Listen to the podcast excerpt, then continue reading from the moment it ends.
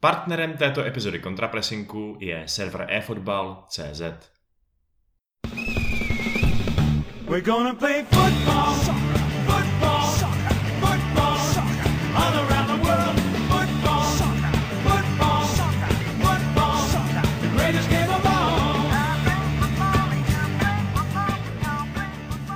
Dámy a pánové, vážení posluchači, vítáme vás u další epizody našeho fotbalového podcastu Contrapressing, už 51. Takže načínáme tady s Honzou Pikousem. Ahoj Piky.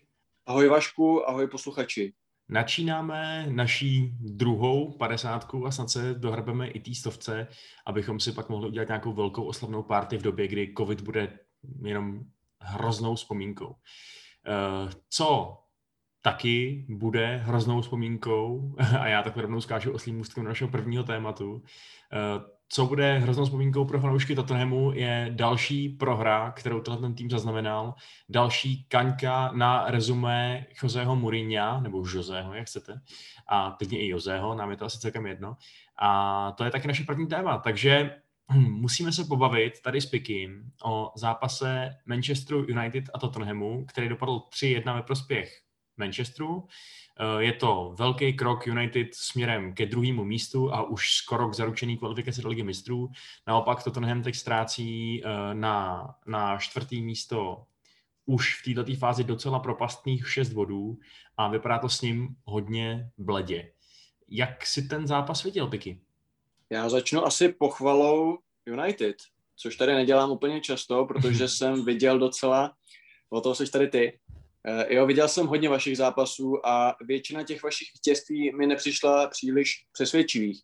Většinou mi to přišlo, že jste, tak, jste to tak jako uhaluzili, ten Fernandeš tam vždycky ten měl záblesk jeho geniální mysli a nebyl to úplně přesvědčivý výkon. Kdežto včera jste se mi fakt líbili, eh, zejména v té druhé polovině. Myslím si, že jste vyhráli zaslouženě a myslím si, že opravdu hned několik hráčů podalo jako super výkon.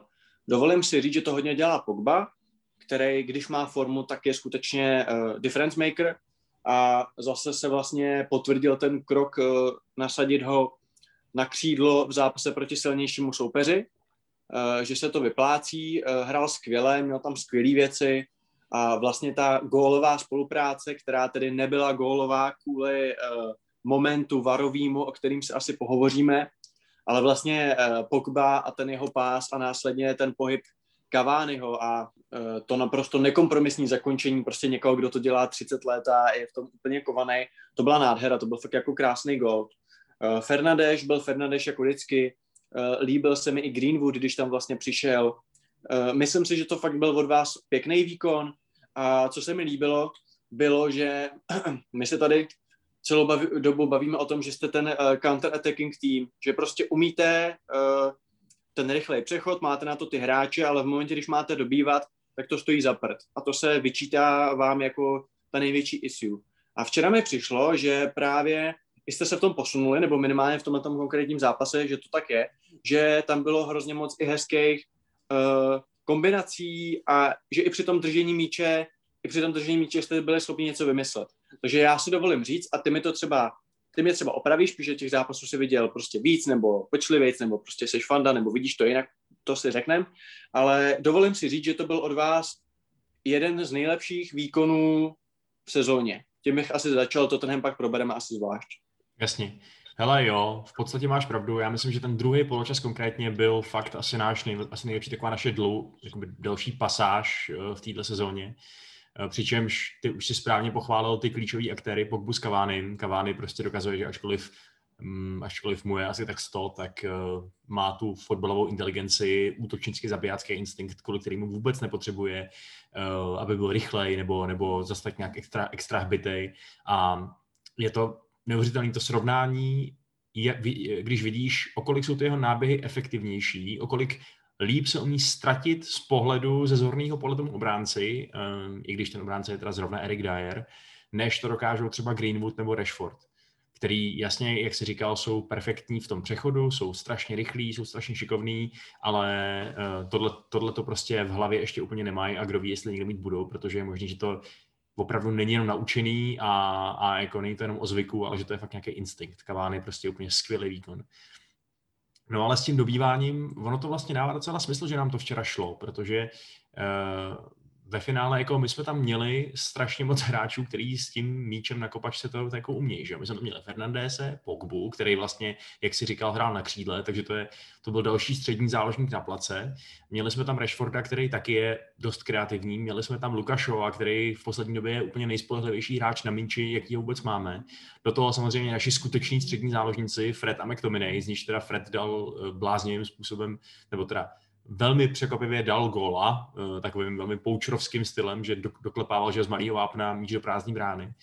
A, takže se vlastně úplně nedivím, že jakmile to tenhle zales, jakmile začal bránit to svoje, to svoje hubené vedení, tak to byl úplně ideální, ideální šance pro Manchester, aby přesně zapojil to, že tam mělo spoustu kreativních hráčů v tu chvíli a najednou to fungovalo fakt moc pěkně. Víc než kdyby byl třeba vepředu trojzubec, přesně Greenwood, uh, Rashford nebo Martial. To si myslím, že by do toho zápasu vůbec nebylo dobrý. Um, ale a chtěl jsem teda ještě podotknout, že na Rashfordově je jasně patrný, že je unavený, že zápasí s takovýma drobnýma zraněníma a Greenwood včera vypadal líp než on, ačkoliv naskočil uh, vlastně jenom na kus toho druhého poločasu, takže ten tvůj nápad vzít Greenwooda na, Greenwooda na euro uh, mi připadá zase po tom jenom zápase jako o něco logičtější, logičtější věc. No. Ale hele, ty už si to nakous, pojďme to rovnou probrat. Pojďme probrat to, proč se vlastně šlo do kabin za stavu 1-0 pro Tottenham, protože zauřadoval VAR. Uh, Cavani dal gol, který byl neuznaný kvůli faulu McTominay na Sona. Jak si tuhle situaci viděl? Viděl jsem ji z nelibostí, protože uh, za prvý uh, ten střed uh, těch dvou hráčů, co znamená, co, co znamená uh, Sona a uh, kdo tam byl za vás? McTominay. McTominay, jo, jasně, jasně. No tak uh, OK, jako pokud je to něco, co se nemá, uh, tak v tom případě bychom se ale stejnou optikou měli dívat na předchozí uh, střed uh, Loselsa, Loselsa s Rashfordem, tuším. A tak to je trošku jiný metr, to je jedna věc. A druhá věc za mě je ta, že za mě to jsou úplně nesouvisející situace. Za mě jakoby ten foul, když si teda řekneme, že to byl teda foul, uh, ten McTominay, ta, a ten následný gol, to spolu jako by nějak nesouviselo. A pokud ten rozhodčí uh, na hřišti prostě neusoudil, že to je foul a přerušujeme, tak to podle mě nemělo ovlivnit tu hru. Já vím, Martin Hašek o tom něco ví, že prostě se pak vrací hra uh, půl hodiny na zpátek, ale mně se to prostě nelíbí a zase se dostáváme k takový tý obecní debatě o VARu, eh, co má řešit, co nemá řešit. A za mě v současné podobě VAR prostě škodí a já bych se Vašku vrátil k původní tezi, která zní clear and obvious errors. Že má napravovat očividný, jasný prostě erory. A ne hledat milimetrový offsidy. Jasně, ty mi na to řekneš, když je offside, tak je offside. Já s tím nesouhlasím, za mě prostě když to není jasný, když jsou to nějaký milimetry a deset kamer ti dá deset eh, rozhřešení různých, jo, tak prostě za mě to má vždycky dvě prospěch gólu a tohle je to samý. Prostě pokud to, ne, pokud to není pokud to není úplně jasná věc a já vzpomínám na gól Chelsea proti Liverpoolu, že jo, kde to bylo prostě, že Werner byl tam, myslím, že to byl, jo, byl to Werner, tam byl ramenem, že se to měřilo úplně jak od deltového svalu, prostě šíl, šílenosti. Za mě to prostě v Anglii letos berou úplně špatným způsobem a za mě ten gol měl platit. Hmm. Já se asi s tebou neschodnu na jedné věci. Mně přijde, že to bylo dostatečně blízko tomu gólu na to, abych to v případě faulu odvolával. Uh, přišlo mi, že vlastně to byla taková předfinální přihrávka od toho McTominay a tím pádem, pokud tam byl nedovolený zákrok, tak uh, OK, asi, asi je fér to odvolat. Uh, vím, že bych se určitě zlobil, kdyby za faul v takovéhle fázi třeba uznali gol proti nám, nebo navzdory tomu faulu respektive. Ale spíš mě tak jako zaujalo, já docela vlastně i beru, že ten McTominay toho Sona asi jakože podle litery zákona fauloval. Úplně jsem se nestatožňoval s tím křičením expertů v Anglii, kteří říkali, že, uh, že to je úplně strašlivá zhůvěřilost a příšernost, že musíme okamžitě zrušit VAR, uh, protože jako jo, McTominay se rozmáhl rukou a omylem ho toho Sona trošku trefil do obličeje já bych to nepískal, pustil bych to, eh, přijde mi, že to bylo necitlivý vůči jako tomu, jak ta hra, jak se ta, jak se ta situace vyvinula, ale OK, chápu rozhodčího. Na druhou stranu bych vlastně docela rád viděl, kdyby rozhodčí neuznal gól a dal Sonovi žlutou kartu, protože to prostě od něj byla tak strašně očividná simulace. Jo? Jasně, on dostal trošičku přes obličej, jakože to, ta, ta síla byla evidentní z toho, z toho záběru, že byla úplně minimální, že on jako tak otřel a on fakt ležel na zemi několik minut a svíjel se v bolestech a v podstatě dělal, že mu někdo zlomil nos, že jo. Jak kdyby prostě chtěl nahradit, teda si od, od koláře půjčit, půjčit masku, aby v ní musel dohrát.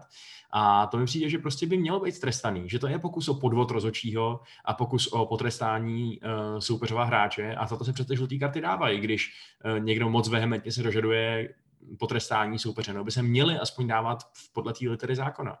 Takže je, já bych se soustředil na to, abychom tohleto chování z toho fotbalu eliminovali klidně i tím, že jo, uznáš, že VAR ti teda doporučí to, to rozhodnutí přehodnotit, ale zároveň ti se podíváš, že ten hráč reagoval zcela neadekvátně, no tak mu to žlutou kurně dáš. No a když jsi zmínil Sona, tak ten byl předmětem poměrně zajímavé eh, diskuse pozápasové mezi obě, oběma trenéry. Eh, tak eh, co si na to vlastně říkal, na ty pozápasové výroky eh, pánů na hřišti, respektive u laviček?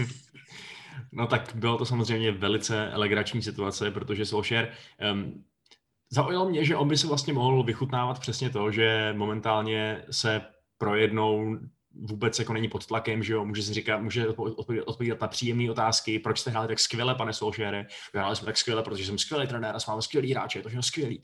Eh, ale on se do toho fakt pustil, že jo? On fakt říkal, že fotbal je úplně v řiti, že je to nepochopitelné, co se stalo, proč ten gol neuznali eh, a řekl to, čeho se potom chytil Mourinho, řekl, že kdyby eh, se tak, jako se zachoval Son, čili kdyby takhle simuloval jeho syn a potřeboval by 10 kámošů, aby ho zvedli potom, co se mu někdo maličko otřel o obličej, tak by mu nedal několik dní najíst, což je samozřejmě naprosto bizarní. Solskjaer to nepoužil poprvé tohle přirovnání a jako všem je samozřejmě jasný, že to je nadsázka, ale stejně je, je trochu divný tohle to používat, zvlášť když trénuješ klub, jehož největší hvězdou. No já bych, a... promiň Vašku, já bych pro jistotu po sociálku k Solskjaerům poslal.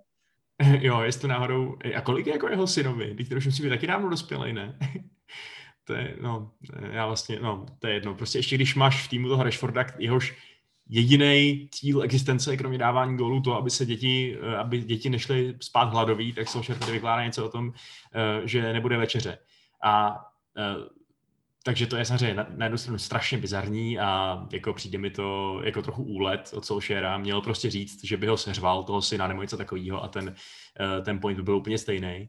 Na druhou stranu Mourinho pak místo toho, aby se soustředil na příšerný výkon svého týmu ve druhém poločase, tak se samozřejmě úplně předvídatelně pustil do Solskjaera s tím, že to je špatný otec a že je rád, že Sonův otec je lepší otec než je Solskjaer a to je prostě, jako jestli tohle to není typická Mourinhovská taktika, jak úplně přehodit fokus těch médií na něco jiného než na hrozný výkon jeho týmu, tak, tak nevím, co je. Eh, nebo ty si myslíš, že to, že to myslel fakt upřímně, tenhle svůj výstup? Mě upřímně jako velkého milovníka různých uh, slovních hříček uh, baví vůbec jako celá ta, celá ta rovina, jakože kdyby byl Son můj syn, tak nedostane na jíst, jo? že to je prostě takový fakt jako pěkný, ale jinak uh, souhlasím s tím, že Solskjaer by měl být uh, za mě víc v pohodě, protože je to borec, který se od začátku svého angažmá v United snad kromě těch asi prvních třech měsíců, kdy jste vyhrávali, pak dostal smlouvu a vyhrávat jste přestali, tak vlastně je pod neustálým tlakem. A furt uh, z velké části veřejnosti slyší ty hlasy, ty na to nemáš, ty seš prostě tělocvikář, ty seš tady jenom kvůli jménu hráčskému, prostě ty nejseš taktik, ty seš prostě totálně k ničemu, to, za, za tebe to tahá prostě Fernandeš, a v momentě, kdy vy několik měsíců hrajete fakt jako dobře, minimálně výsledkově, a jako dojdete si pro druhý místo, což jako je dobrý. Jako pojďme si říct na rovinu, je to prostě, bude to úspěch. A jestli se vám ještě podaří vyhrát Evropskou ligu, tak to ve finále bude jako fajn sezóna. Myslím si, že to bude ne skvělá, protože to byste trošku ponížili vlastně ty ambice a takovou tu namyšlenost, kterou musíte mít jako fanoušci United, ale bude to dobrá sezóna. A to, že ho tohle rozhodí a má potřebu se takhle expresivně vyjadřovat, eh, je to za mě trošku překvapivý, No a co se týče, co se týče Moa, tak tam je to samozřejmě, tam je to samozřejmě kolorit a samozřejmě, když mu dáš takovouhle nahrávku, hele, to je jako Holland, když mu prostě pošleš eh, centr do vápna, tak prostě dá góla, že jo. Ale každopádně, když už jsme teda zmínili uh, právě Spurs a jejich hru ve druhé půli, tak oni vlastně po osmí v téhle sezóně ztratili poločasový vedení. Hmm. Oni, kdyby vlastně měli ty body postrácený, tak jsou druhý oni, a ne vy. Uh, čím si to prostě vysvětluješ, že Mourinho hraje takhle pasivně? Prostě proč? Včera to zase vedou a zalezou. I přesto, že se jim to xkrát předtím nevy, nevyplatilo, nevyplácí se jim to, tak to stejně opakuje a stejně čeká na smrt. Jako, já vím, že jedna věc je nějaká taktika, nějaká filozofie herní, ale nebo takhle, dal bys Mourinhovi po včelišku najíst? No prostě, hele, já už si ani nejsem jistý, jestli tohoto fakt může pocházet od trenéra, protože přesně jak říkáš, to už je totální vzorec jim se fakt stává to, jak jsi říkal, že vedou, hrajou docela, třeba i docela dobře a pak zalezou a o to vedení přijdou, protože zkrátka dobře stoperská dvojice, Dyer, Rodon nebo libovolná jiná stoperská dvojice, kterou Mourinho může nasadit, není stavěna na to, aby odolávala 45 minut neustálým útočení. A jasně, dalo by se možná říct, že to je taktika na to, aby soupeře uh, blíž ke své bráně a pak ho zabil proti útokům, který vede Son a Kane. Fajn, vycházelo jim to chvíli, že jo, v první půlce sezóny. Uh, ale evidentně to vycházet přestalo. A já už se fakt říkám, že to spíš není tím, že ty hráči už nemají to sebevědomí. Nemůže to být prostě tím, že, že oni už vědí, že mají neuvěřitelný, uh, neuvěřitelný zvyk ztrácet vedení.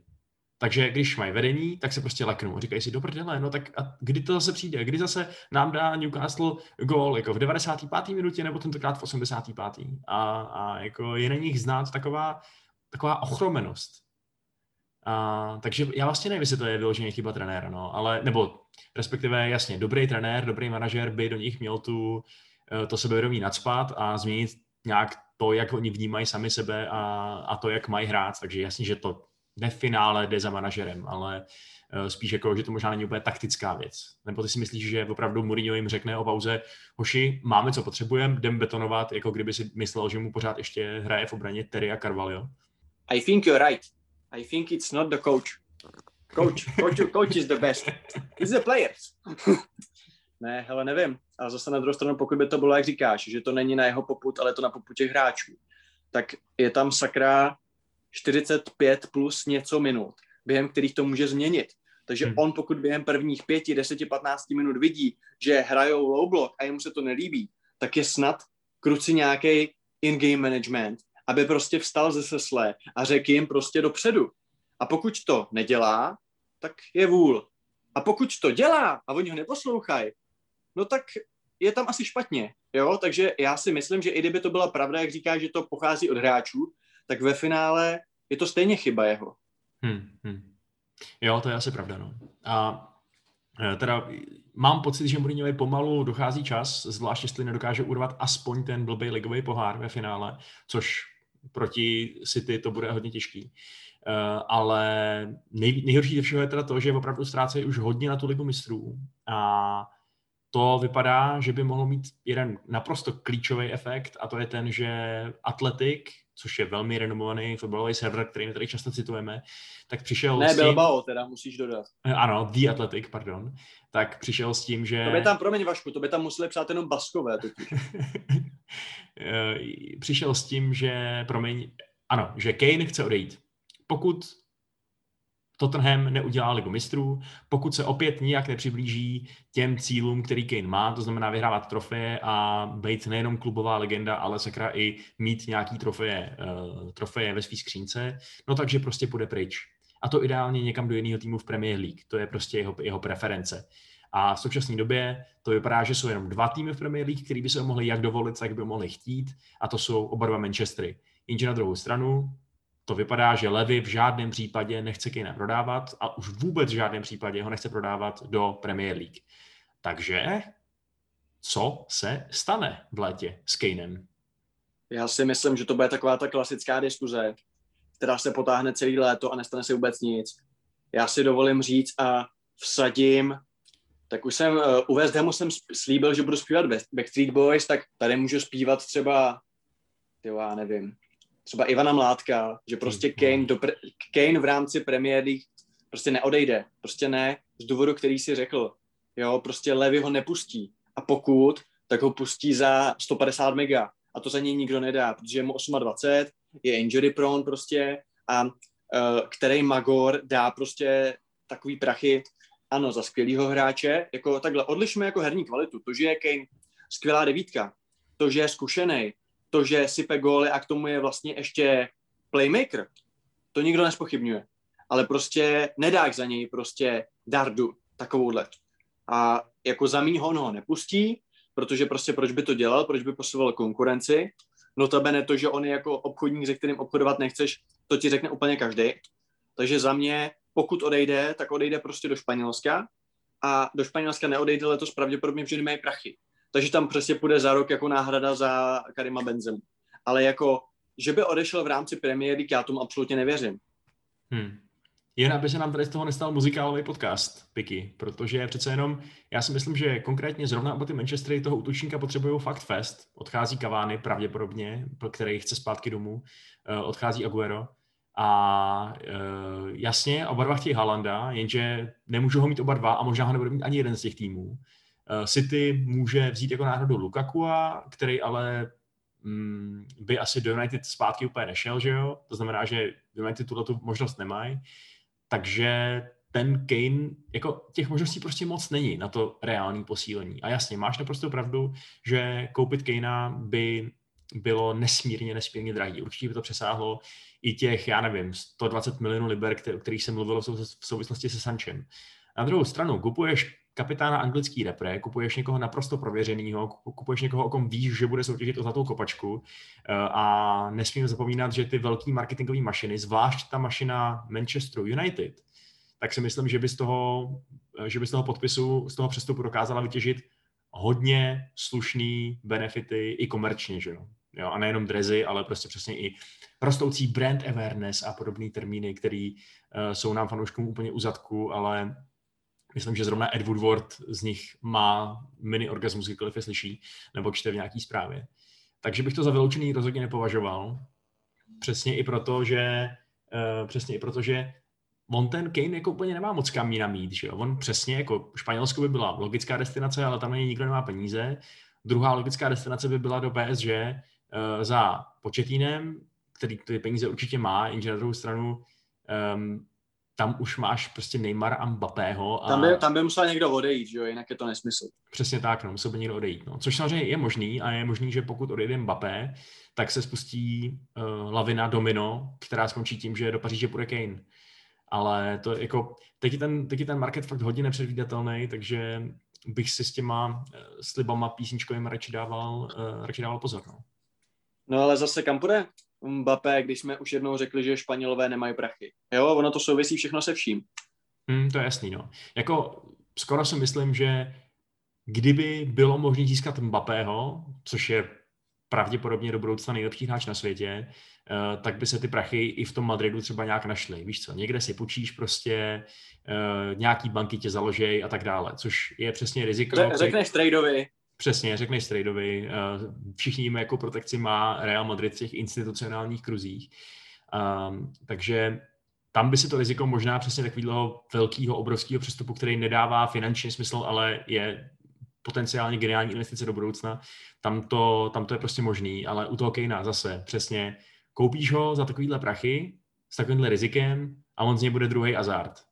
A ty seš v prdeli protože přesně jak říkáš, on se prostě, on je náchylný na zranění, uh, nemá zas takovou um, hodnotu na přeprodej, že jo, což jestli koupíš Mapého teď za 150 milionů, no tak můžeš za 200 milionů prodat za, za dva roky pravděpodobně.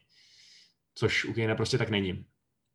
Uh. Hele a promiň, a když jsme zmínili ty útočníky United, nebo o tom jsem se chtěla pobavit, uh, ty bys do budoucna po Kavány se chtěl vyděl, vydat jakou cestou, protože jasně, kdo by nechtěl Holanda, ale dejme tomu, že vy buď můžete přivést nějaký jméno typu je, jako je, jako je Kun Aguero, jako je právě třeba Kane. Prostě jakoby toho velkého silného hroťáka, který umí hrát zády k. A nebo půjdete tou cestou toho vašeho mládí, protože Greenwood, byť hraje víc na křídle, tak je to furt původně hroťák a jako je dobrý, jo? A tak co ty osobně bys radši? Radši bys opravdu do toho týmu chtěl tu devítku starého střihu, a nebo by, nebo by ti nevadilo věřit třeba tomu Greenwoodovi, že bude prostě, případně i ten Rashford tam může hrát, prostě uh, věřit spíš těm vašim uh, rychlejm klukům breakovým. No vadilo by mi jim věřit z toho důvodu, že ne každý zápas je pro ně dělaný, že, že prostě ten tým se strašně ukazovalo, že je hrozně jednodimenzionální, uh, než přišel Cavani a ukázal, že že v nějakých zápasech, v nějakých typech situací je ten staroškolský striker naprosto nenahraditelný. Takže rozhodně bych chtěl nějakou náhradu za Cavaniho, až a jestli odejde, a ono vypadá, že fakt odejde. Um, někoho typu Ibrahimoviče, víš co, i když samozřejmě už asi ne Ibrahimoviče, to už asi trošku moc starý, aby se k nám vracel. Ale, ale jo, někoho klidně prověřeného, klidně někoho staršího. Uh, neříkám, že to zrovna musí být Haaland, protože je mi jasný, že to je, je to možná trošku utopie, i vzhledem k tomu, že jeho táta je velký fanoušek City, že jo, a hrál za ně a že jeho agent je agent, se kterým Manchester dělá biznis teď už velmi nerad po sáze s Pogbou. Takže tomu moc nevěřím, že přijde Haaland, ale chtěl bych, aby přišel aspoň někdo. No. Uh, úplně teď nemám k dispozici shortlist, ale dám si ho do příště třeba nebo do nějaký další epizody dohromady a odprezentuju ti pět útočníků, který bych nejradši viděl v Manchesteru a který jsou realistický. No a co, co třeba někdo, promiň, co třeba někdo relativně levný v rámci premiéry, nějaký prostě Calvert Lewin, nebo i třeba někdo slabší, víš co, jakože, že to nebude vyložení jakoby hráč do základu, ale spíš přesně do jednotlivých typů zápasů. Jo, klidně, ale upřímně, přesně, já se nedivím tomu, že se nikomu nechce sázet v současné situaci na dřevo víceméně stovky milionů liber, když spočítáme platy, přestupové částky a, a ty že jo, příspěvky agentům. Takže přesně Calvert Lewin, proč ne? Mladý angličan, bude to populární s fanouškama, i když jako mě to celkem jedno, jestli by si to bude angličan nebo gabonian pro mě za mě, ale, uh, ale... Promiň, Vašku, promiň, říkej radši Brit, angličan tady neříkáme. Dobře, Brit. Brit z té nejjižnější části Velké Británie. Um, takže prostě já akorát říkám, že někdo by přijít měl a jestli to bude super hvězda, nebo jestli to bude třeba někdo, kdo je taky trochu talentovanější s tím, že, s tím, že nevím, třeba bude potřeba ještě trochu pracovat, zkusím věřit skautovacímu systému a, a, a nebudu, si, nebudu, se, nebudu si rvát vlasy, pokud ten Haaland nevíde. Budu se rvát pouze tehdy, pokud půjde do City, protože už, mi to, už by mi to přišlo hodně nefér to, co všechno mají. A tohle, co jsi teď zmínil, teď s tím si mi krásně nahrál na moji další otázku, protože jsem se tě chtěl zeptat. Chtěl jsem se tě zeptat na ty City, protože ty si tady zmínil, že by mohli chtít Kejna. Teď zmiňuješ Holanda, odcházím Aguero. Ale chce vůbec Guardiola prostě devítku, když víme, jak hraje, že je schopný tam hrát Sterlinga, lomeno De Bruyne, lomeno, De, lomeno Bernarda Silva, lomeno Foudna, tak potřebuje on vůbec strikera? No tak on chce konkrétně eh, Haalanda s Kanem, uh, asi i proto, že oba dva jsou jako už potvrzený, že jsou vynikající i do té uh, mezihry, že, že Kane je On by klidně mohl hrát na středním ofenzivním záložníkovi, nikdo by se nedivil. Haaland má taky úplně luxusní statistiky asistencí a uh, toho interplaye v podstatě. Není to žádný staroškolský targetman, na kterého by se jenom uh, jebal centry a on by ti tam hlavou dával góly, že jo. Prostě to, on je, on je i kreativní a technický. To je na něm to úžasný, že to fakt je hráč, který umí vlastně všechno. Takový complete forward, jak by ho označil football manager. Uh, takže podle mě jako oba dva by sedli Manchester City jako zadek na hrnec, protože to je přesně ono, že jo. Můžou se, můžou se stáhnout do hloubky pole, můžou rozdát přihrávky Sterlingovi a, a Bernardu Silvovi a, a prostě všem těm ostatním zabijáckým křídlům, který tam oni mají, Márezovi, že jo. A, a je to prostě další dimenze tomu týmu a nevím, kdo je pak zastaví, jestli tam fakt přijde Haaland. Nebo třeba ještě ten Messi jako bonus. Třeba by mohl přijít Messi do střední zálohy, co? Když už mu to za stolik, za stolik uh, neběhá tam jako na křídle, ale no, já, pro mě nebo, nebo stopera by mohl hrát, ne? No, proč ne, konec konců, teď Guardiola stejně říkal, to má. Že, přesně, Guardiola stejně říkal, že měl nejradši celý tým složený jenom ze středních záložníků, a tak jako Messi je takový střední záložní typ, svojí kreativitou, no. Hm. Rozhodně se v těch prostorech vyskytuje, když ho to nebaví ten zápas. Teda. přesně, no, přesně. Uh, no a jako co se týče posil pro Manchester United, tak vlastně můžeme docela volnou asociací přejít eh, k West Hamu United, protože tam momentálně řádí jeden kmenový hráč Manchesteru docela neuvěřitelně. Jesse Lingard opět inspiroval West Ham k dalšímu skvělému výkonu, aspoň teda, řekněme, jeden poločas, protože West Ham porazil Leicester 3-2, drží si to čtvrtý místo, blíží se tvůj zpěv a moje, moje beatboxování, jestli udrží tu šílenou formu. Mark Noble hraje jako Declan Rice, kdo by to byl čekal. A začínáš tomu zase trošku víc věřit po tom, co vyhráli další zápas proti extrémně těžkému soupeři, proti rivalovi do top 4? Ne. Furt si myslím, že ten kádr je natolik slabý, respektive slabý ve smyslu ouský, že to nevydrží a že z ní vypadnou pak. Ale je to, je to skvělý, je to teda klobouk dolů. A co se týče, já jsem rád, že si to zmínil, Vašku, jako No byl zatím velmi dobrý, jako jak zatím v sezóně hrál vždycky v tom 4-3-3, tak tam jim to spíš jako dost kazil. Teď konc, když je ta přímá náhrada za Declana Rice, tak si vede dobře a myslím si, že uh, mu netřeba nic jako vyčítat a celkově to byl zajímavý zápas, uh, po třetí za sebou vedle 3-0, po třetí za sebou se trachovali. Uh, máš proto nějaké vysvětlení? My jsme se o tom bavili před podcastem, ty jsi říkal, že možná jsou prostě tak slabí, že prostě nemají na to 90 minut jakoby být o tolik lepší, nebo tak uh, může to být o psychice, čím se to vysvětluješ?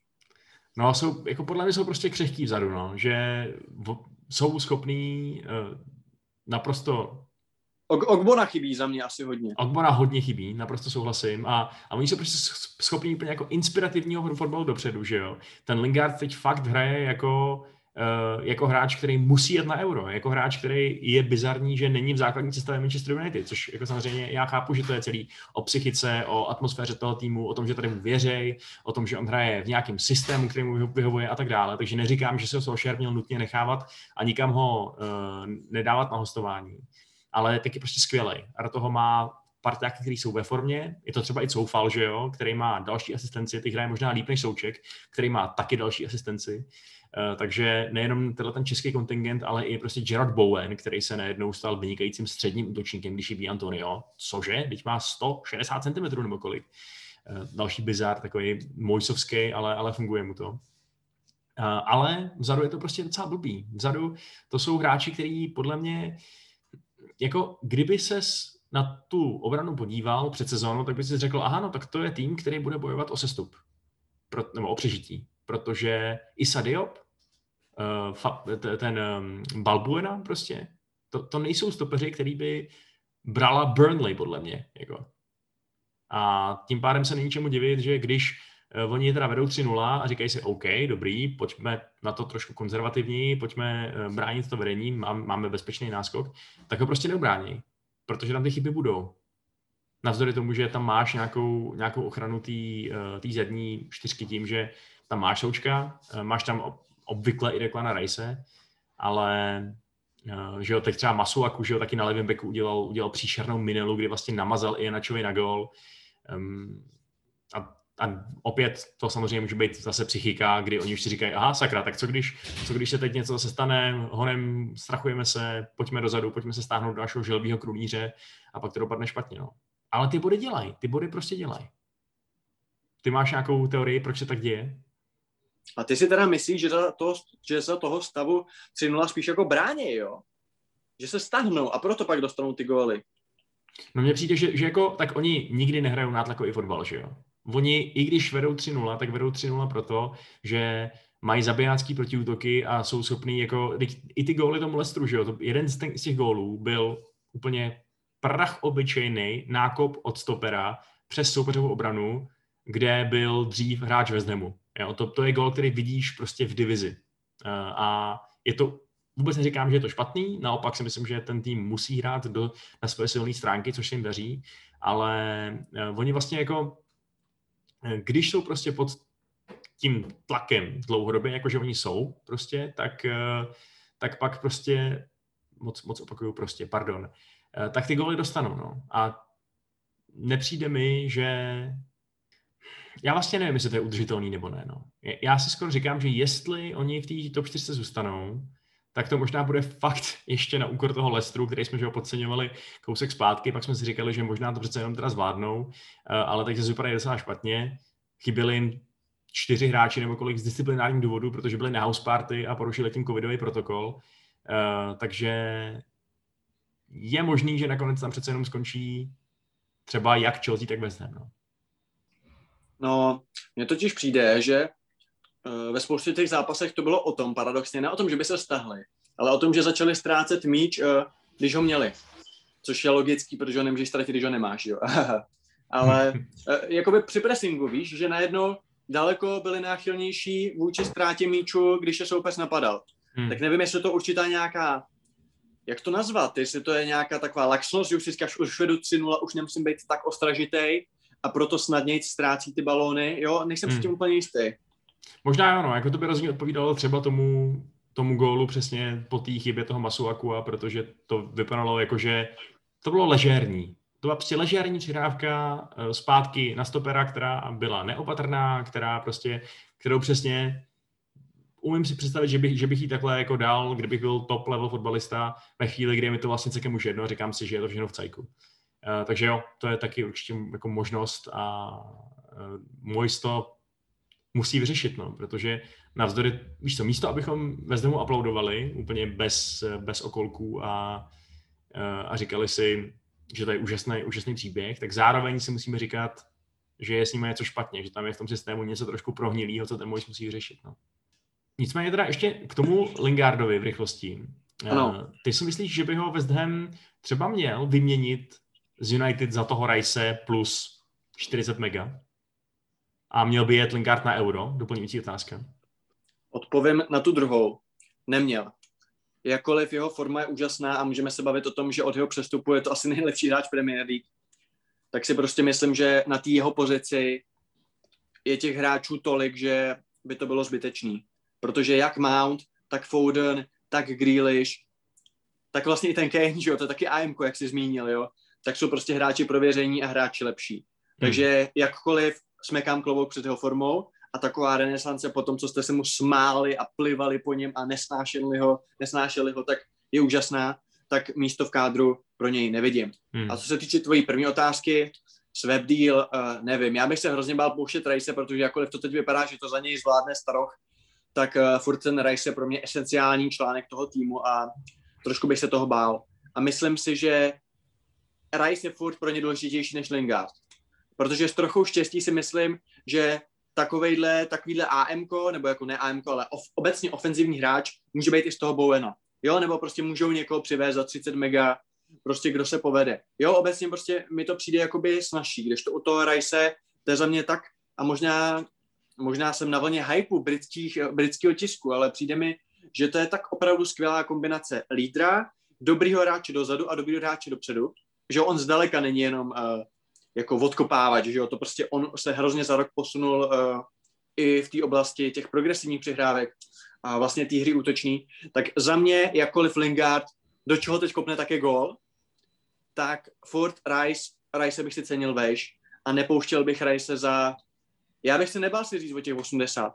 A když je teď nikdo nedá, tak nevadí, tak prostě budou hrát evropský poháry a uh, prostě je to angličan, je to budoucí možná kapitán repre, já bych Rajse zbytečně brzo jako pod cenou určitě nepouštěl teda. Hmm, pod cenou určitě ne, no, ale kdyby třeba United tam bítli přesně 50 mega Lingarda, má Lingard jako cenu těch zbývajících 30 milionů, který, eh, který tam jakoby chybějí v tom propočtu? Uh, bral bys to? Jako za mě s tím, že vím, že takhle, kdyby věděl, že Rice prostě musí odejít, třeba kdyby se mu povedlo euro, že jo, a, a bylo by prostě jasný, že on sám je připravený na větší, lepší výzvy a kdyby třeba West Ham ještě neudělal tu top 4, takže by se ani nemohl těšit na, na ligu mistrů se svým oblíbeným klubem. Uh, a kdyby se prostě tyhle ty všechny okolnosti seběly k tomu, že ten přestup by byl jakoby někam nevyhnutelný, tak mi to přišlo jako skvělý deal, protože ty jsi tady říkalo, že by mohli přivést někoho za 30 mega s tím, že se třeba povede, jenže to je právě to, že jo.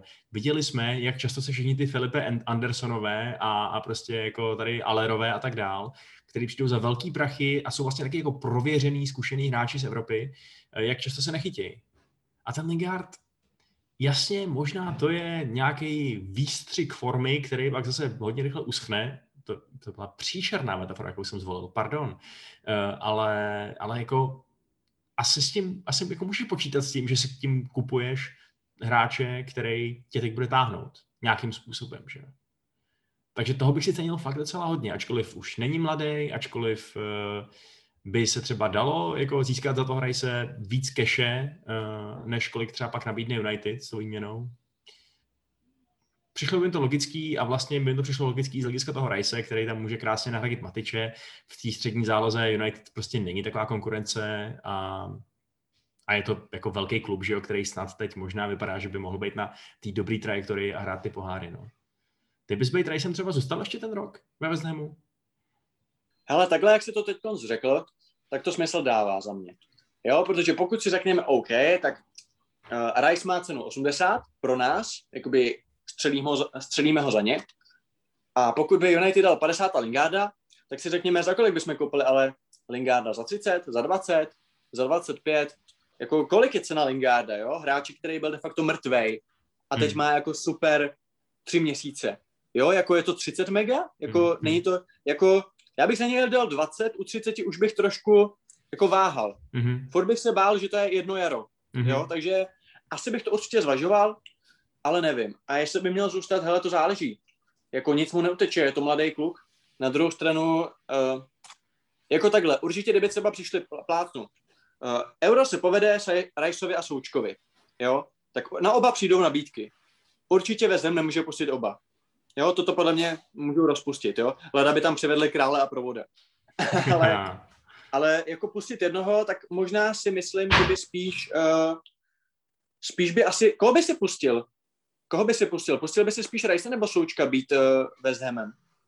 Tak jako eh, z pozice West Hamu radši samozřejmě Součka, pokud by, mi, pokud by mi za ně někdo nabídl uh, jako solidní pálku, ale když se podívám na ten přestupový trh a vím, že vím, že prostě ten Rice jako vím, že ten krok do budoucna vzhůru někdy udělá a přišla by za něj takováhle jako nějaká adekvátní nabídka, tak bych se vlastně úplně nebál ho pustit a spolehnout se na to, že vedle toho suka bude dostatečný prostor tam zapracovat nějakého nového midfieldera, ať to bude třeba nějaký mladý, že jo, z akademie, oni tam mají dobrý talenty, Conora Coventryho, který je kapitán té jejich 21, eh, nebo samozřejmě někoho přivedeného zvenčí, oni někoho přivést musí, protože tam nemají vůbec žádný cover na té střední záloze, tak, ehm, tak jo, no, tak bych pustil radši Rajse a užíval si šílený miliony a, a koupal se ve zlatých eh, kachničkách, nebo co já vím. Na druhou stranu se podle mě může stát, že přijdou dvě neodolatelné nabídky jak na Suka, tak na Rajse a v tom případě se díváš na to, že Ham musí přivést regulérně, bez přehánění, třeba tři až čtyři top level střední záložníky a vytvořit tu kostru toho týmu znova. A v tu chvíli bych fakt nechtěl být Moisem a vlastně ani tím scoutingem, jako scoutingovým týmem ve West protože to je teda výzva jako prase. Ale když zmiňuješ Moise, můžu tady uh, jeden takový příběh? No pojď. Guess this shows it's possible to be sacked as Manchester United manager move to an underachieving London club and lead them into the Champions League places playing attractive, attacking football that delights and unites the fans. Anyway, now over to Jose Mourinho z Tottenham. Aha, aha. Ano, tak to je fakt luxusní kontrast, no. Máš naprosto pravdu. Jako je to nevřitelný samozřejmě. Já si myslím, že tomu Moisovi jsme jako kdo... Sakra, já bych si nesadil ani zlámanou grešli na to, že dokáže něco víc, než ten tým držet nad vodou. Sotva. A u Mourinha jsme naopak byli jednu dobu strašně optimistický, že jo, vypadalo to, že z nich udělal regulérní kandidáty na titul. Uh, jak je ta sezóna dlouhá a jak je proměnlivá, viď? Ještě když tomu připočteš Artetu, který taky vypadal, že ten Arsenal fakt dovede do Championshipu a najednou může pomýšlet divné na Champions League, jakože teda. To, no minimálně z Evropské ligy určitě, jako ta paralela tam je. Každopádně, uh, myslíš si, že Mois je teda Protože já si doteď pamatuju, když jsme měli, to jsme nahrávali ještě ve studiu, to ještě covid nebyl tak covidový, uh, Kubu Dubijáše, a ten říkal, že Mojs je vlastně v jeho očích traget. Tak myslíš si, že opravdu jakoby Mojs, že se teda ty lidi pletli, nebo v tu dobu měli pravdu a Mojs opravdu má tak jako super sezónu, že vlastně se to nedalo čekat, že se takhle zvedne, nebo prostě vždycky byl tak dobrý, nebo jako, že to je fakt jako záhada, protože to je, to je chlap, který regulárně byl odepsaný, ten byl prostě finish, jo, to bylo, hmm. ten prostě OK, teď se zachránili díky Součkovi a díky Rajsovi a díky Antoniovi, ale spadnou prostě. Spad, po čtvrtém kole jde, prostě odvolaj ho a teď je vede, to je možná nejlepší sezóna, nechci říct v historii, nemám to tak naštudovaný, ale jako za poslední třeba 20 let určitě pro ně. No, v éře Premier League podle mě naprosto bezkonkurenčně, no. A je to, je to, je to, je to fakt téměř neuvěřitelný. Já takhle. Uh, sluší se říct, že Alan Pardew taky dovedl Newcastle k pátému místu a vyhrál manažera roku a asi se nedá říct, že byl Alan Pardew nějaký manažerský genius. Na druhou stranu, jako je teoreticky možný, že ten Mois měl trošku smůlu na jedno nemožný angažmá v United, že jo, protože přiznejme si, že tam by prostě neuspěl vůbec nikdo po tom konci Fergusona, po tom, jak se ten klub odstl okamžitě v institucionálním chaosu a bylo to, bylo to prostě neřešitelný. Uh, potom, že ho zkusil první zahraniční angažmá v tom, v tom San Sebastianu a to je prostě taky těžký, že jo, jít do toho zahraničí, takhle do toho španělské, do jiné fotbalové kultury a tak dál. Taky to selhalo, ale taky chápu proč. Um, pak právě jako Sunderland, víme, co to je za klub, víme, že opravdu jako tam to bylo prohnilý až do morku kostí. Je, je fakt možný, že to byl vždycky dobrý trenér a že měl poslední dobou smůlu na kluby, který si vybíral, poslední dobou, no tak jako poslední deset let v podstatě. Na druhou stranu je úplně stejně možný, že je to takový další Sam Allardyce, který si zažívá jednu překvapivě dobrou sezónu, která je uh, popoháněná raketovým pohonem, kterým jsou nesmírně, nepravděpodobně kvalitní uh, přestupy. Že? No, protože oni to jsou takový, víš co, jakoby musíš si vybrat narrativ. Buď si vybereš narrativ ten, že skutečný the real David Moyes, jak by řekl Eminem, je ten z Evertonu, co znamená ten, který je schopný opravdu konstantně s nadprůměrným klubem odvádět jako velmi dobrý výkony a že prostě není to jako takový ten high class úplně, jo, ale je takový ten prostě jako hodně kvalitní trenér, respektovaný. A nebo jestli je Real Moise ten právě ten, jakoby ten břídil, jo? A nebo je to něco mezi? Nebo kdo, kdo je Real Moise podle tebe? Protože já si začínám skoro myslet, že on, že on prostě je dobrý a měl opravdu spíš smůlu. Spíš se kloním k tomuhle. Jako já bych tomu docela rád věřil, protože já mám Moise rád je, opět jako je to způsobený samozřejmě i tím, já, já k němu nechám žádnou zášť za to, že jako nezvládl svoji první a jedinou sezónu v Manchesteru, protože mám soudnost. Vím, že to byl nemožný job, už jsem to tady říkal.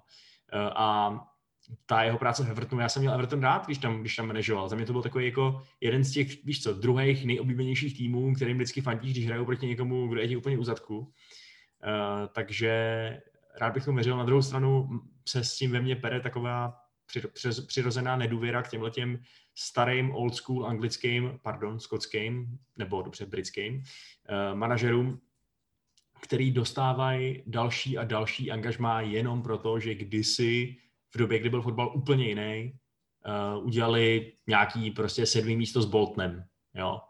A to si myslím, že je taky případ spousty těch lidí, který neustále znova a znova vidíme v Premier League a říkáme si, proč do prdele neskusej dát ten job někomu mladému, talentovanému, klidně i ze zahraničí, nebo klidně i prostě z třetí anglické ligy, když dokazuje, že tam má výsledky a jako umí s těma hráčema pracovat. Uh, ale jo, já doufám, že tohle to není jenom záblesk a že Mois ukáže, že v sobě ještě ten život má a že třeba, nebo jako, myslím tím, eh, profesionální život a že třeba se nám tady rodí takový druhý Roy Hodgson na místo druhého Alana Pardewa, no bylo by to fajn. I když se asi shodneme, že další top klub man- manažovat prostě nebudeš, jo? že jako asi Tuchela nevyhodí a nenahradí ho Moisem. No. no. já jsem ale právě chtěl říct to, že on je jako by podle mě třeba dobrý trenér do určitého typu týmu. Jo, že přesně. Nedal bys mu trénovat už jako velkoklub, nedal bys mu trénovat klub, kde na to jdou nějak progresivně, ale víš co, Venco, jako prostě pro ten West Ham, s tím, co hrajou, jaký má hráče, prostě nemusí být všichni Nagelsmani nemusí všichni trénovat prostě podle špír v Verlangerungu, jo, prostě proč prostě ten jeden old school borec do takového toho týmu, ta, to, takového typu týmu, proč by tam nemohl být? Jo, že přesně, jako nechtěl bys ho do Chelsea, nechtěl bys ho do United. Ale takovýhle tým, který jako reálně může hrát v desátý místo, to, že jsou teď čtvrtí, je jaká nějaká anomálie, tak jako proč, proč ne? Hmm. Nebo jako hmm. ty bys byl fakt jako takový v tomhle razantní, že bys všude chtěl radši přesně jako 20-letýho kluka uh, se školama a s těma teoretickýma znalostma a s tím, že má přesně naštudovaný vole ty football managery, než jako takovýho toho v uvozovkách Petra Radu, protože podívej se, hele, podívej se, a to je dobrý srovnání, podívej se na Petra Radu. Petr Rada byl vysmívaný člověk v českých médiích a v české veřejnosti jakoby e, kopaný, jo. Prostě haha, to je ten, co říká, e, si nechává radit, nakolik má hrát útočníků. Poslední tři roky všichni žerou Petra Radu, ale Petra Rada je furt stejný. A stejně bys ho nechtěl ve Slávii, jo, protože to, co je dobrý v Jablonci, nestačí na Slávii, jo, ale je to prostě old school trenér, který má ty své old school metody. Takže jestli něco takového není i ten Mois.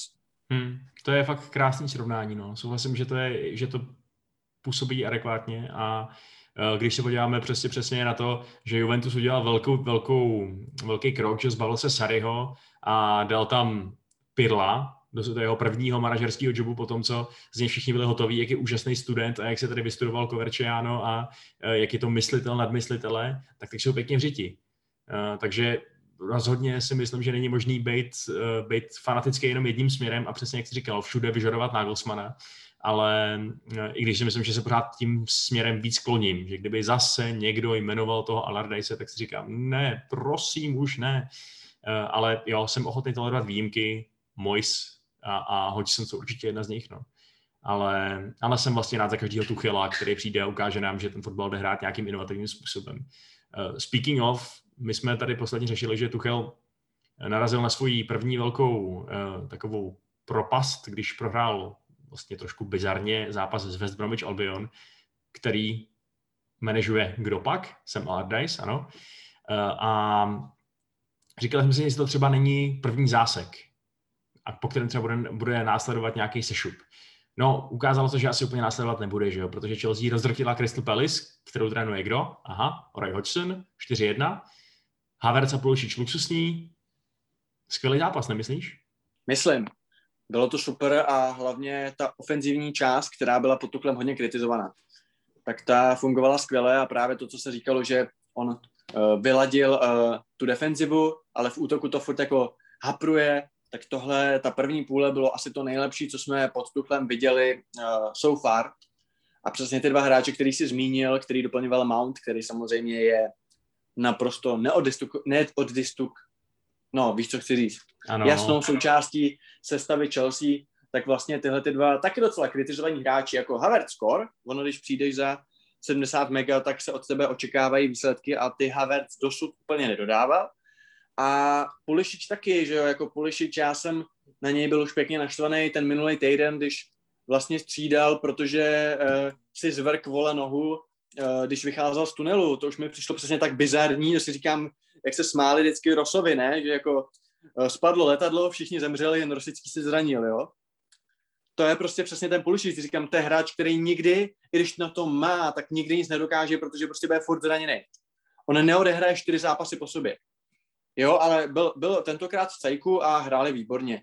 Hráli výborně a zejména ten Havertz, který hrál vlastně tu falešnou devítku, což znamená, Tuchl ho posouvá, už jsme to tady taky řešili několikrát, posouvá ho výš uh, hřištěm a hraje víc to, co hrál v Leverkusenu, tak má tam víc svobody, víc prostoru, eh, byl, byl impozantní, eh, dovolím si říct, že takhle impozantní není ani Kateřina Zvoun, jak byl impozantní Kai Havertz v tomto zápase.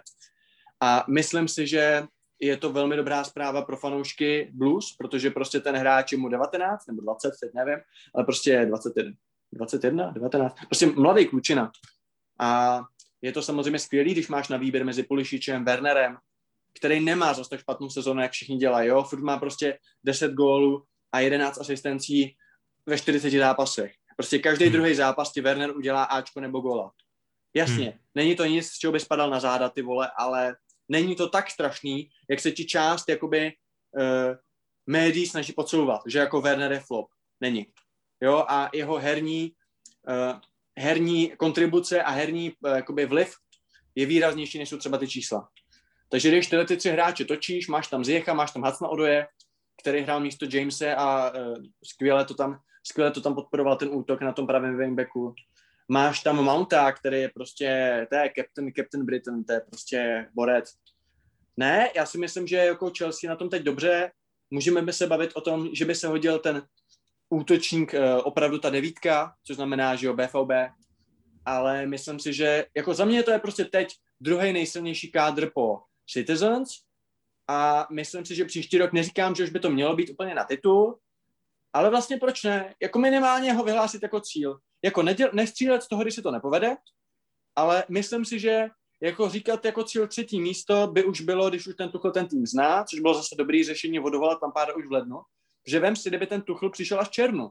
Chápeš? Tak jako v uvozovkách zabiješ sezónu, jo? Protože mm-hmm. jasně, Conte, Conte performoval hned, ale prostě takhle ten Tuchl má půl roku na to se s tím seznámit a už jede jakoby na ostro od nové sezóny a akorát by se tím ztrácel čas. Takže za mě zatím všechno dobrý. Jestli budou nějaký dílčí změny v kádru, nezlobil bych se.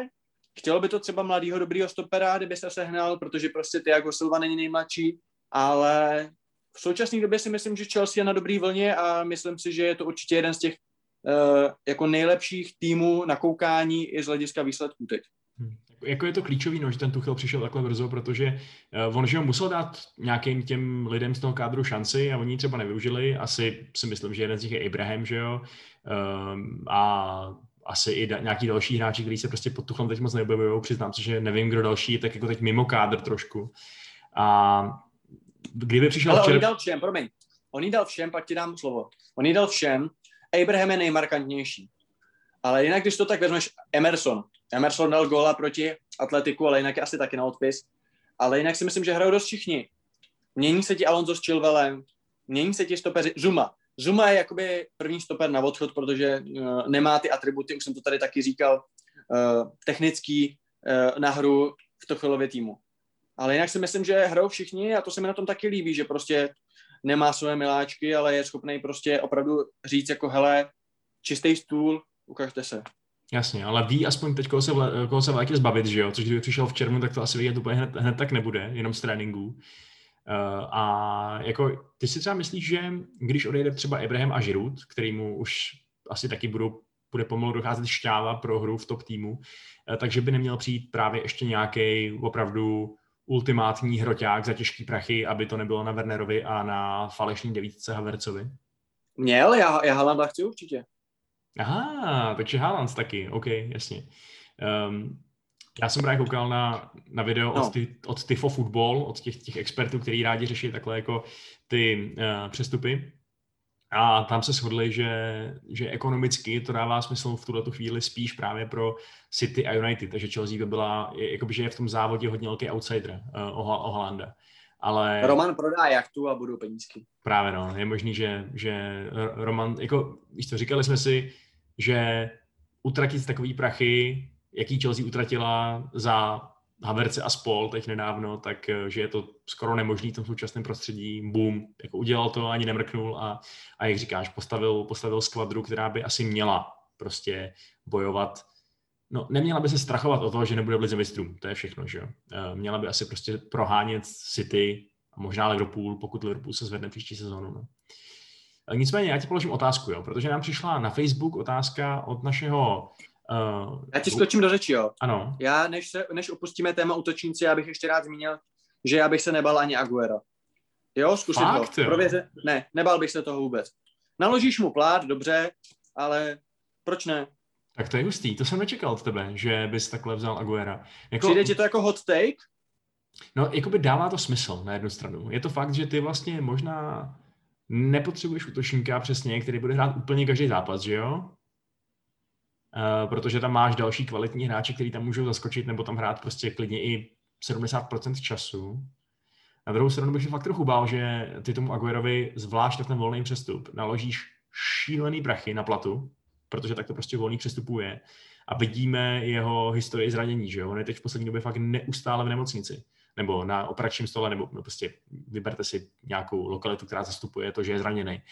A jako jasně, já chápu, že pro Chelsea nejsou prachy až takovej jako důvod, proč se, proč se opotit a do něčeho takového nejít, ale, ale jako úplně nevím, no, jestli chápeš, dát mu kontrakt na dlouho, na dva roky, na tři roky, protože on ti na rok asi taky nebude píše, ne? Hele, dal bych mu jedna plus jedna, takzvaná Ready Kirken smlouva a řekl bych mu, hele, podepsal to Tiago Silva. Myslíš si, že jsi víc než Tiago Silva? Hovado? To není špatný argument. To si Aguero sedne na prdel a podepíše úplně cokoliv, když mu tohle řekneš. Chudák. Uh, ne, sorry, takže mě mluví fanoušek Manchester United. Já mám Aguera rád, on je fanoušek pána prstenů, tak jako já. Má vytetovaný uh, na paži něco v runách, takže v cajku. Já ho beru. možná, možná 93-20, ne? Tam má vytetovaný. Uh, já, člověče, já jsem si fakt nikdy nezjistil, co tam má na té ruce vytetovaný. Já to vždycky jenom vidím a říkám si, aha, aha, další milovník kvalitní literatury. A... Hm, zvláštní. Já to zjistím do příště a pak, vám to, pak se o to sám podělím, jestli to třeba už sami nevíte, tak si neťukáte na čelo, jak jsem hrozný uh, amatér. Nicméně, pojďme k té otázce, protože je zajímavá. Uh, pojďme se právě podívat do budoucnosti Chelsea.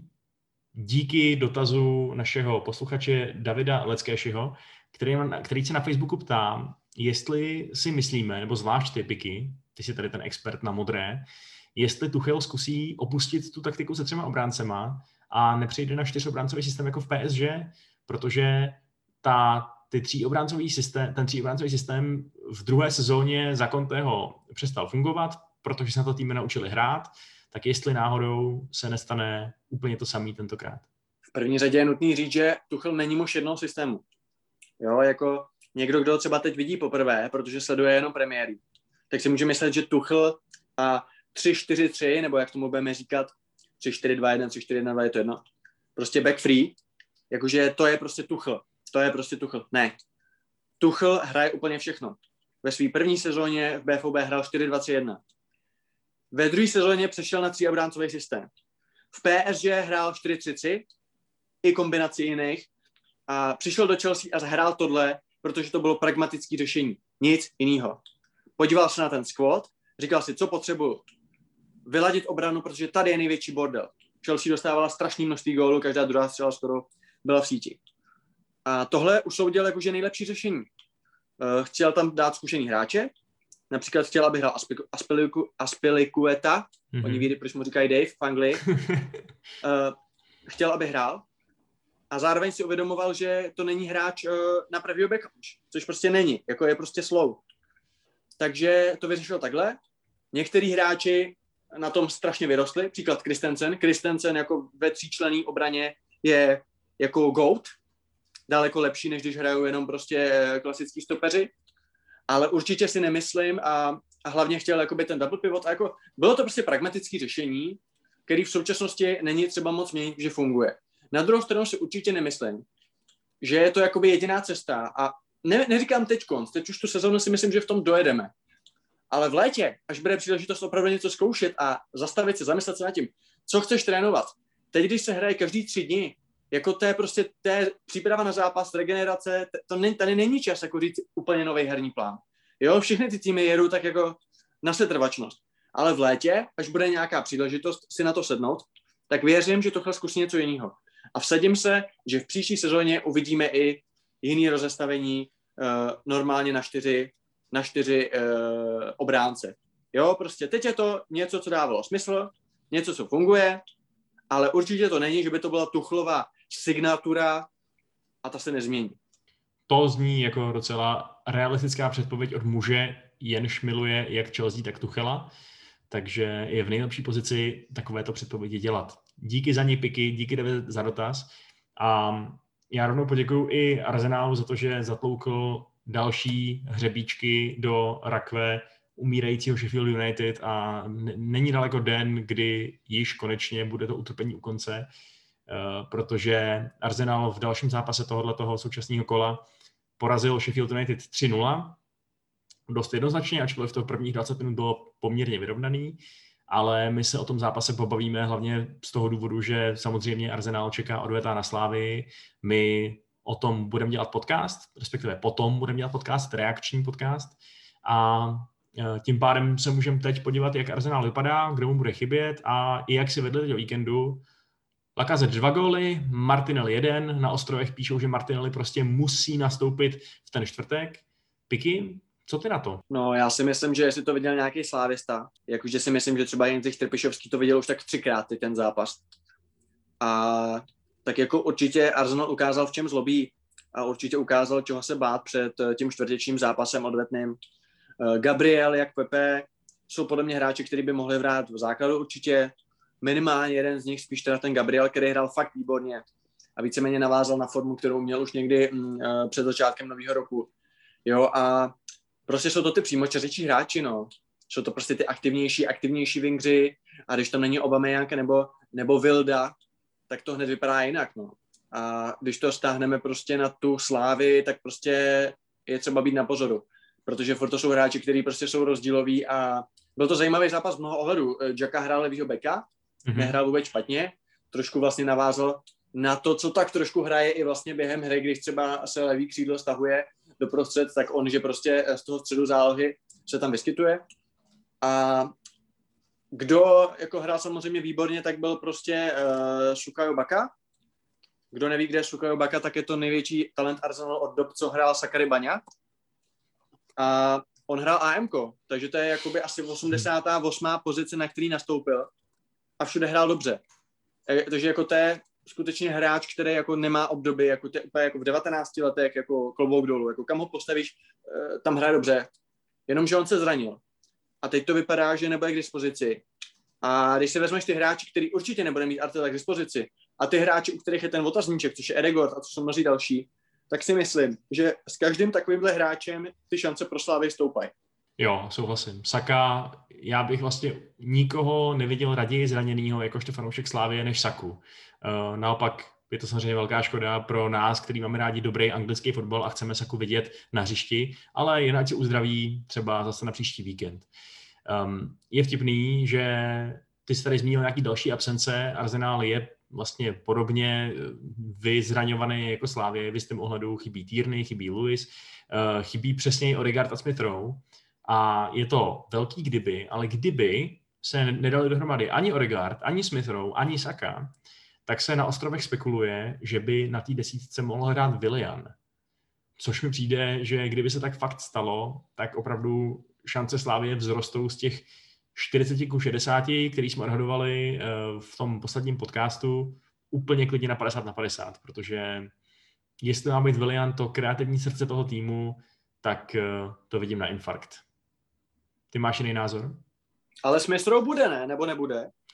Možná ne. Nad Odegaardem i s Rovem vysí otazník, oba mají nějaký zdravotní problémy a Arteta byl tajemný ohledně toho, jestli budou nebo ne. No.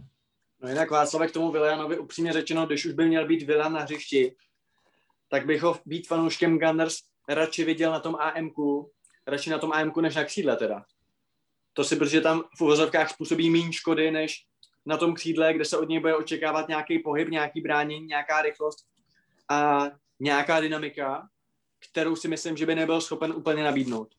Jo, jako já počítám s tím, že na křídlech za Arsenal nastoupí Pepe a Martinelli, no, protože to vypadá, že momentálně jako mají fazonu oba dva, Pepe nám dával toho góla, že jo, nebo nám Slávy, ať, ať je jasný, o čem se tady bavíme. Uh, Lakazet, ten je asi taky jasný, že tam nastoupí, takže pro toho Viliana v té forward line zbývá fakt asi jenom to, ta desítka, ten, ten střední ofenzivní záložník, ale já ti fakt nevím, já vím, že nás strašně, opět Slávy, že strašně prostě potrápil spolu s Pedrem a, a samozřejmě s Azardem eh, v tom našem minulém dobrodružství v Evropské lize, ale já si myslím, že že prostě to je hráč, který by možná fakt měl problém vytlačit ze sestavy i jako provod se Stančem. No a koho bys tam dal? Tak jako má hrát jako Sebajos, jako hrál bys 4-3-3 jako party Jacka Sebajos?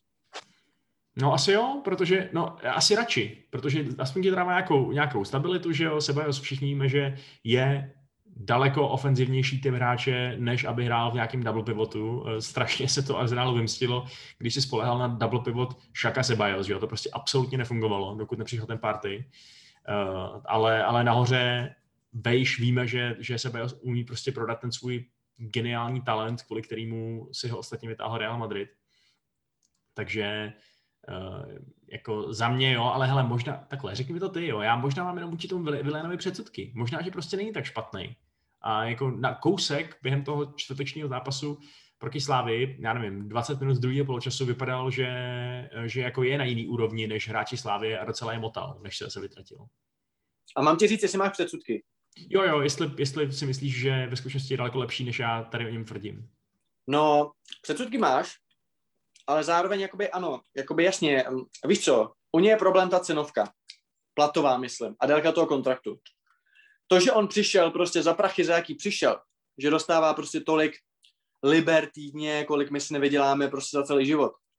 A že je tam na tři roky, což znamená, že se stalo něco, co už v okamžiku, kdy se to uzavíralo, tak všichni věděli, že to je hovadina. Jo, všichni. Tak to je ten největší problém.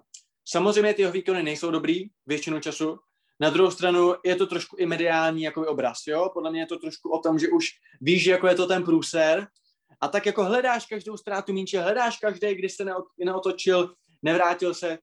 Jako já souhlasím, že nehraje jako dobře, že nemá dobrou sezónu a je to určitě nejhorší asi zklamání z hlediska jako přestupů, což jsme řešili i v našem lednovém podcastu, kdy jsme se o tom bavili. Jo, ale furt si myslím, že je schopný určitě na ploše jako jednoho utkání zahrát. Prostě je schopný na ploše jedno utkání zahrát a věřím tomu, že může udělat proti Slávě 1 plus 1. Proč by ne? Takže bych se vůbec ho nebál tam dát a upřímně řečeno, kdybych já si měl vybrat, tak radši tam dám jeho než Sebajose teda. Kdyby to volba stála ten nebo ten, pokud se nebudeme bavit o možnosti, že by z Jacka zase hrál levýho beka, což mi, na což mi včera převedl večerný, tak uh, radši já bych toho Williama na tom AM zkusil. Vystřídat to může vždycky. A dát tam prostě Obameyanga, a nějak to úplně překopat třeba, že jo. A nebo teoreticky můžeš hrát jako Martinelliho na hrotu, pak jo, prostě těch možností, jako ty ofenzivní hráči ma- mají je, zdroje hmm, jsou. Hmm, hmm. Jo, to máš samozřejmě pravdu. No. Já se zase trochu bojím tady uh, být zas tak moc přísnej nebo, nebo um, sebejistý, protože všichni známe tu, to komentátorské prokletí. Uh, komentátor řekne, že tým hraje na prd a tým dá okamžitě tři góly. A, takže bych byl velmi nerad, kdyby se přesně stalo to, že Willian bude jednoznačný hráč zápasu ve čtvrtek. Ale to si ostatně konec konců řekneme právě v ten čtvrtek, protože opět pro vás chystáme podcast, opět přijdou hosté, kteří tomu rozumí. Uh, budeme tam mít uh, zástupce jak slavistického tábora, tak tábora Arsenálu. Takže si to snad opět užijeme a snad to teda nebude s pláčem, ale opět eh, s vyřvanými hrdly z nějakého pěkného rozhodujícího gólu do sítě soupeře. Co ty na to, Piky? No já se teda chtěl koukat na slunečnou, ale když teda budeme dělat podcast, tak přijdu, no. OK, a my doufáme, že přijdete i vy a že si nás opět poslechnete a díky za vaší pozornost a zase příště. Ciao. Ahoj.